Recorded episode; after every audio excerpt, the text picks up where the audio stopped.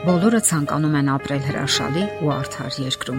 Ցանկանում են, որ ոչ ոք չխափի իրեն, չստի, բոլորն իրար հանդեպ լցված լինեն աննկարագրելի ջերմությամբ ու սիրով, վստահեն ու քայլեն ձեռք ձեռքի։ Իսկ ինչպիսին է այսօր մեր աշխարհը, մեր երկիրն ու մեր քաղաքը։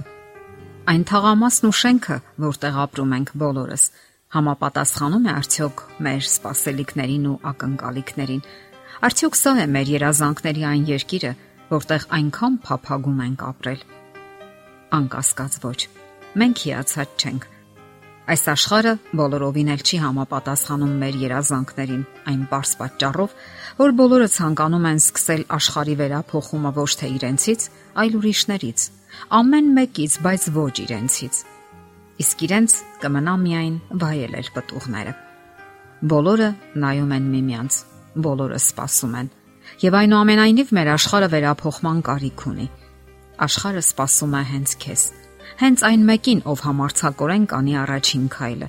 եւ այդ մեկը դու ես։ Աստծո խոսքը, Աստվածաշունչը, կոչ է անում մարդկանց արարել այդ աշխարհը։ Նա, իդեմս Աստծո, բոլորին է կոչ անում լծվել այդ վեհ գործին, անznական օրինակով։ Եվ եթե բոլորը մասնակից լինեն դրան, մեր աշխարհն իսկապես կլինի օրինակելի եւ հրաշալի մի վայր ապրելու համար։ Աստվածաշունչը կոչ է անում խաղաղության, արդարության, բարության ու ազնվության։ Նա կոչ է անում առաջնորդվել սիրո սկզբունքներով։ Ահա թե երբ կարող է աշխարհը լինել կատարյալ ու սուրբ վայր ապրելու համար։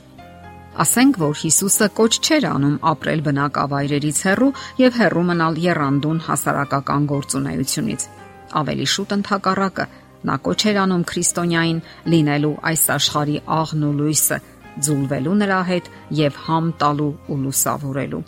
Որ տեսնելով այդպիսի անznավորությունը, ճիշտ պատկերացում կազմեն Քրիստոսի եւ քրիստոնեության մասին ընդհանրապես։ Հիշենք Քրիստոսի խոսքերն իր աշակերտների վերաբերյալ, որ այսօր էլ դարերի խորքից մեզ է հասնում որպես մարգարեական падգամ եւ հորդոր։ որ Ես չեմ աղաչում, որ աշխարից վեր առնես նրանց, այլ որ նրանց պահես չարից։ Ապա շարունակում է. ինչպես դու ինձ ուղարկեցիր աշխարh, ես էլ նրանց ուղարկեցի աշխարh։ Հենց աշխարհում պետք է մենք կատարենք Աստծո համապարփակ կամքը, ապրել, ավետարանել եւ կատարել նրա կամքը մեր անձնական կյանքի համար։ Մենք գիտենք, որ քրիստոնեությունը սոցիալական առումով երանդուն կրոն է, որ վերափոխում է կատարելագործում աշխարհն իր արդարացի, վերափոխող եւ հավերժական սկզբունքներով։ Աստծո պատվիրանները, Աստծո կոչն ու հորդորն իր ժողովրդին միանշանակ է ու ամփոփող։ Սիրիր քո մերձավորին։ Իսկ ով է այդ մերձավորը։ Յուրաքանչյուրը, ով հանգամանքների բերումով մեր կողքին է։ Որպես սոցիալական էակներ եւ որպես քրիստոնյա Մենք չենք կարող անտարբեր լինել այն ամենին, ինչ կատարվում է մեր շուրջ բոլորը։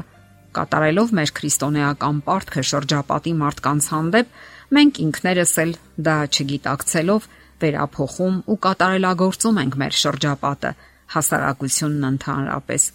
Մենք մեզ ամենից առաջ դրսևորում ենք ընտանիքում։ Դա հասարակության առաջին ու կարևոր բջիջն է։ Մնացածը սկիզբ է առնում այստեղից։ Ընտանիքն է դասյարակում եւ կյանք մտցնում նրա տարական միավորին, մարդուն կամ երեխային։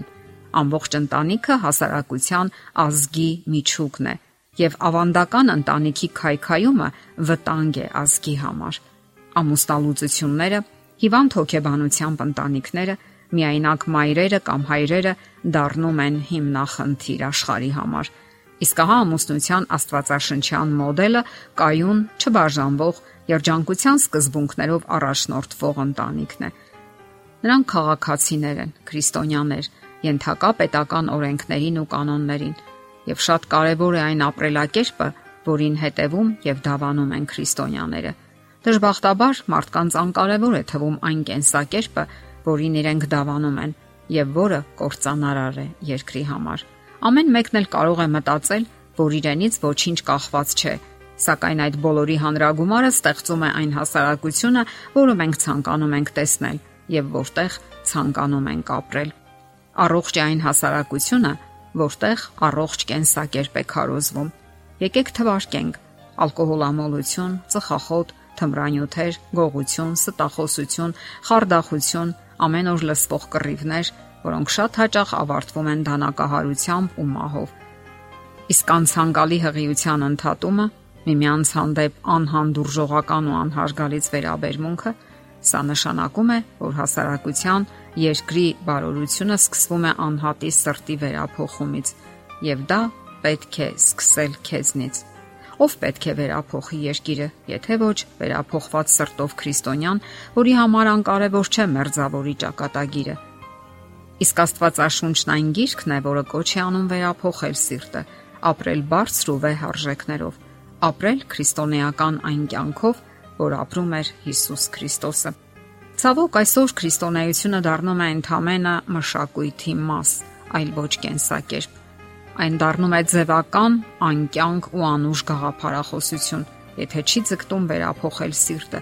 չի ձգտում կայուն ու կենթանի հարաբերությունների իր կրողի Հիսուս Քրիստոսի հետ։ Եվ այնուամենայնիվ Հիսուսը կոչ է անում. սկսիր քեզնից։ Այդ կոչն ուղված է այս երկրի վրա ապրող յուրաքանչյուր քրիստոնյայի, որի համար անկարևոր չէ իր Տիրոջ Հիսուս Քրիստոսի բարի անունը։ Ով ջանք է անում ապրել հենց այն կյանքով, որով ապրեց Քրիստոսը։ Եվ վերջին հաշվով դա նպաստում է ոչ միայն իր անձնական փրկությանը, այլև առողջացնում ու վեհացնում է այն հասարակությունը, որտեղ ապրում ենք մենք բոլորս։ Ուրեմն, սկսիր քեզնից։ Եթերում է ղողանջ հավերժության հաղորդաշարը։ Ձեզ հետ է Գեղեցիկ Մարտիրոսյանը։ Հարցերի եւ առաջարկությունների համար զանգահարել 033 87 87 87 հեռախոսահամարով։